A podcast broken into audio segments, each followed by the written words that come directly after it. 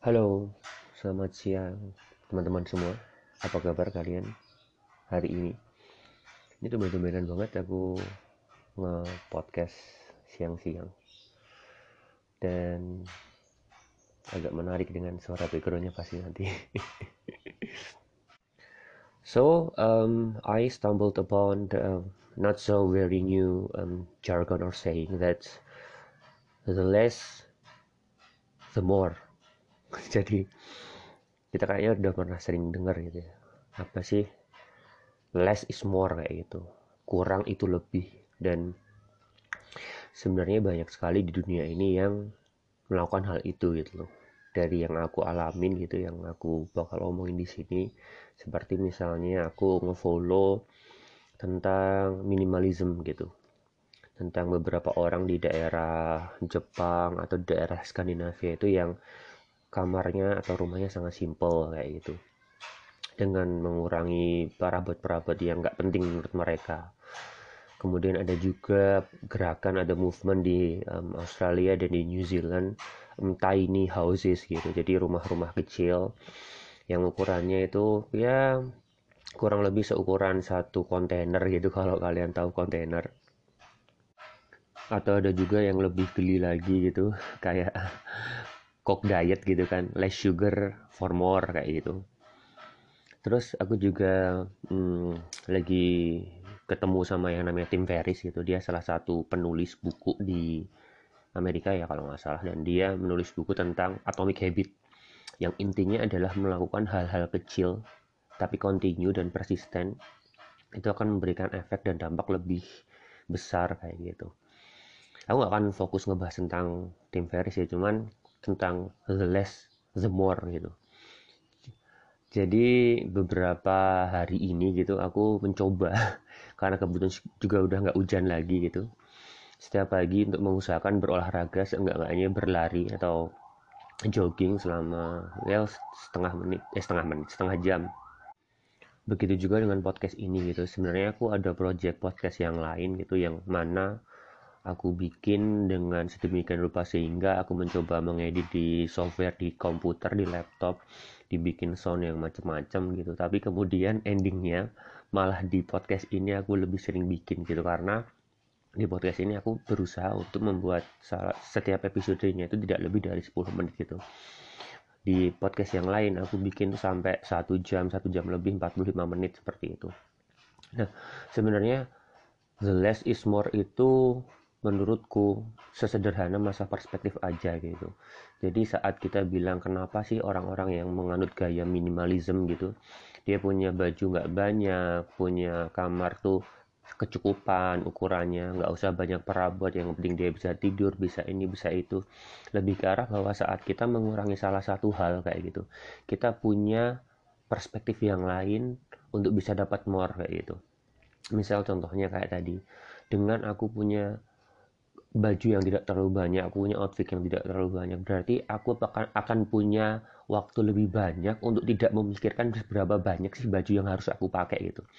Ini terjadi nggak cuma ini terjadi nggak cuma buat cewek sama cowok ya gitu. Karena kalau kebanyakan pilihan pun jatuhnya kita bakal kelamaan milih gitu. Ya. Ya mungkin mungkin cewek itu waktunya pilih baju lebih lama daripada cowok, tapi um, cowok juga cowok aku sih gitu, aku juga mikir baju apa sih yang harus aku pakai gitu bukan berarti terus kita harus kayak um, Steve Jobs atau um, Mark Zuckerberg yang pakai baju itu itu aja. Ya itu sebenarnya terserah ke kalian cuman the less we think about something we can achieve more in that regards gitu loh. Jadi saat kita mau pakai baju ya udah abu-abu aja terus gitu ya. Udah aku nggak perlu mikirin masalah baju aja. Waktuku yang lain bisa gunakan untuk yang lebih produktif menurutku seenggak-enggaknya seperti itu. Jadi less is more. Kayak misalnya tadi masalah Coca-Cola yang kurang sugar dapat more. Jadi sebenarnya pasti ada kompensasi pasti ada trade off di situ. Misalnya apakah rasa gitu. Lalu aku nggak terlalu suka minuman karbonasi ya kayak gitu. Apalagi yang terlalu banyak sodium dan sugar kayak gitu. Cuman akhirnya memang saat orang minum Coca-Cola yang kurang apa kurang sugarnya itu kurang gulanya itu kurang kemudian ini pasti akan mendapatkan benefit yang di perspektif lain gitu. Berarti kamu akan um, lebih sehat ya. Quote on, quote on quote gitu kamu akan jadi lebih sehat kayak gitu. Dan the less is more ini sangat berguna seenggaknya menurutku saat kita ingin membangun habit baru gitu. Yang aku lakukan sekarang kemudian aku ada salah satu aplikasi yang aku pakai di um, telepon genggam aku di ponsel di ponselku gitu. Itu namanya aplikasinya Boost gitu. Yang intinya adalah mencoba merecord atau tracking semua kegiatan um, yang akan aku lakukan. Misalnya aku masukkan di sana seperti um, aku sedang belajar lagi bahasa Mandarin. Kemudian ada beberapa kegiatan online untuk um, um, streaming income aku gitu. Aku aku bikin um, sub-sub di situ gitu. Misalnya aku mau olahraga, aku ada record di situ. Seperti aku tadi lari pagi, aku ada record berapa lama sih aku lari pagi. Kemudian berapa lama sih aku harus ngedengerin entah itu podcast, entah itu YouTube yang bakal bisa ngimprove aku gitu, yang bisa bakal buat aku jadi lebih berkembang kayak itu. Nah di situ akan kelihatan dari tracking itu bahwa yang sedikit-sedikit itu tapi rutin ya akan lebih memberikan efek jangka panjang karena memang manusia itu dan seenggaknya menurutku ya manusia itu um, lebih susah untuk melakukan hal yang panjang berat uh, waktunya kemudian itu bisa continue ya. Setiap orang punya setiap orang punya batas maksimal masing-masing. Sih ada orang yang bisa duduk ngerjain tugas di depan komputer selama 2 jam 3 jam gitu. Tapi umumnya setauku gitu bahwa maksimal orang yang bisa um, optimal itu sekitar 30 sampai 45 menit dalam satu kali sitting gitu satu kali duduk gitu dan mungkin kalian juga pernah dengar gitu saat kita membaca buku gitu kita uh, sering membagi menjadi beberapa bagian gitu. Pasti kalian udah pernah dengar yang namanya buku itu kalau dibaca yang paling ingat adalah yang awal sama yang akhir gitu loh. Hal ini menunjukkan bahwa hal ini menunjukkan bahwa hal ini ngasih tahu kita bahwa sebenarnya memang um, dengan kecil-kecil tapi banyak itu akan memberikan efek yang berbeda daripada kita melakukan wrong uh, lagi. Long run activity ya gitu. Kita melakukan aktivitas yang panjang dan uh, lama. Tidak serta merta kemudian kita tidak tidak bisa melakukan hal yang lama dan panjang dan terus menerus kayak gitu ya. Setiap orang punya kapasitas yang berbeda. Yang harus kita lakukan adalah menurutku kita harus menyelesaikan kemampuan kita itu seperti apa. Jujur kayak aku sendiri gitu saat aku mencoba saya aku pengen upload di salah satu jualan onlineku. Kemudian aku harus edit video. Eh sorry. Edit um, video ada beberapa sih. Aku edit edit foto kemudian ada 10 produk dikali 10 foto ada 100 foto. Yang aku lakukan adalah sampai ke sampai um, 20 menit 30 menit aku udah mulai bosan yang kan aku stop. Kemudian aku record. Aku bakal lanjutin nanti lagi gitu. Jadi sekarang aku berusaha untuk melakukan um, melakukan hal yang pendek-pendek um, gitu. Tapi aku tahu the bigger picture itu endingnya di sana gitu dan filosofi ini aku dapatin sesimpel kalau kita mau olahraga sepeda gitu misalnya atau kita olahraga lari. Kayak gini misalnya saat aku memutuskan hari ini aku akan lari selama 30 menit.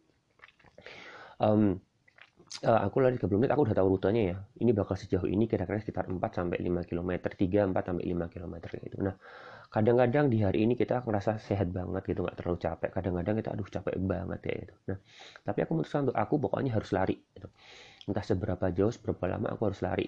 Ada batas yang kita pakai selalu ada batas selalu, selalu ada standar gitu. Standarku adalah minimal 30 menit seenggaknya 30 menit mau aku 30 menit 10 kilo atau aku 30 menit lari cuma 2 km I don't care. Pokoknya aku harus lari. Nah yang aku lakukan adalah dari filosofi yang aku dapetin gitu adalah saat kamu lari gitu kamu tahu rutenya kamu tahu bigger picture-nya kamu tahu endingnya bahwa aku harus lari sekian jauh sekian menit kayak itu tapi saat kamu melakukannya kamu gak perlu melihat sejauh itu.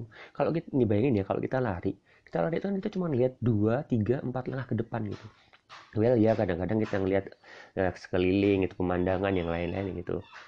Cuman kalau saat kita merasa aduh uh, mendekati batas kita gitu kayak kita udah macam banget. Udah.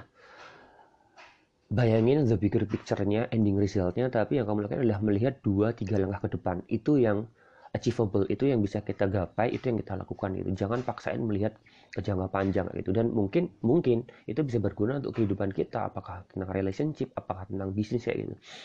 Kalau kamu ingin kaya tentukan dulu seberapa banyak uang yang kamu punya gitu. Satu miliar kah, dua miliar kah, tiga miliar kah. Tapi nggak usah memikirkan tiga miliar kayak gimana dengan uang yang kamu punya dulu sekarang atau seenggaknya dengan capital yang kamu punya. Entah itu waktu, entah itu koneksi, entah itu itu hanya sekedar um, um, ide gitu. Yang achievable seberapa banyak gitu. The less you do it the more achievable it will become kayak itu jadi nggak terlalu banyak tapi dilakuin aja dulu. Nah setelah itu nanti akan bertahap bertahap bertahap. Karena hidup ini bukan hanya sekedar sprint tapi panjang. Kita hidup bisa sampai 60 70 80 tahun.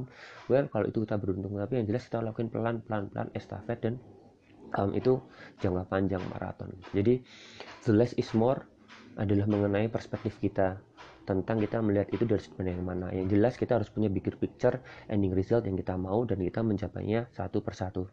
Kalau kata orang Cina sih aku lupa yang mana cuman perjalanan seribu mil itu nggak akan pernah bisa selesai jika kita mulai dengan satu langkah yang sama. Jadi mulai sekarang juga lakuin apa yang kamu inginkan apa yang kamu butuhkan. Kerjain aja dulu salah nggak masalah bodoh amat yang penting dulu. Semoga bermanfaat buat kalian. Saya Ali see ya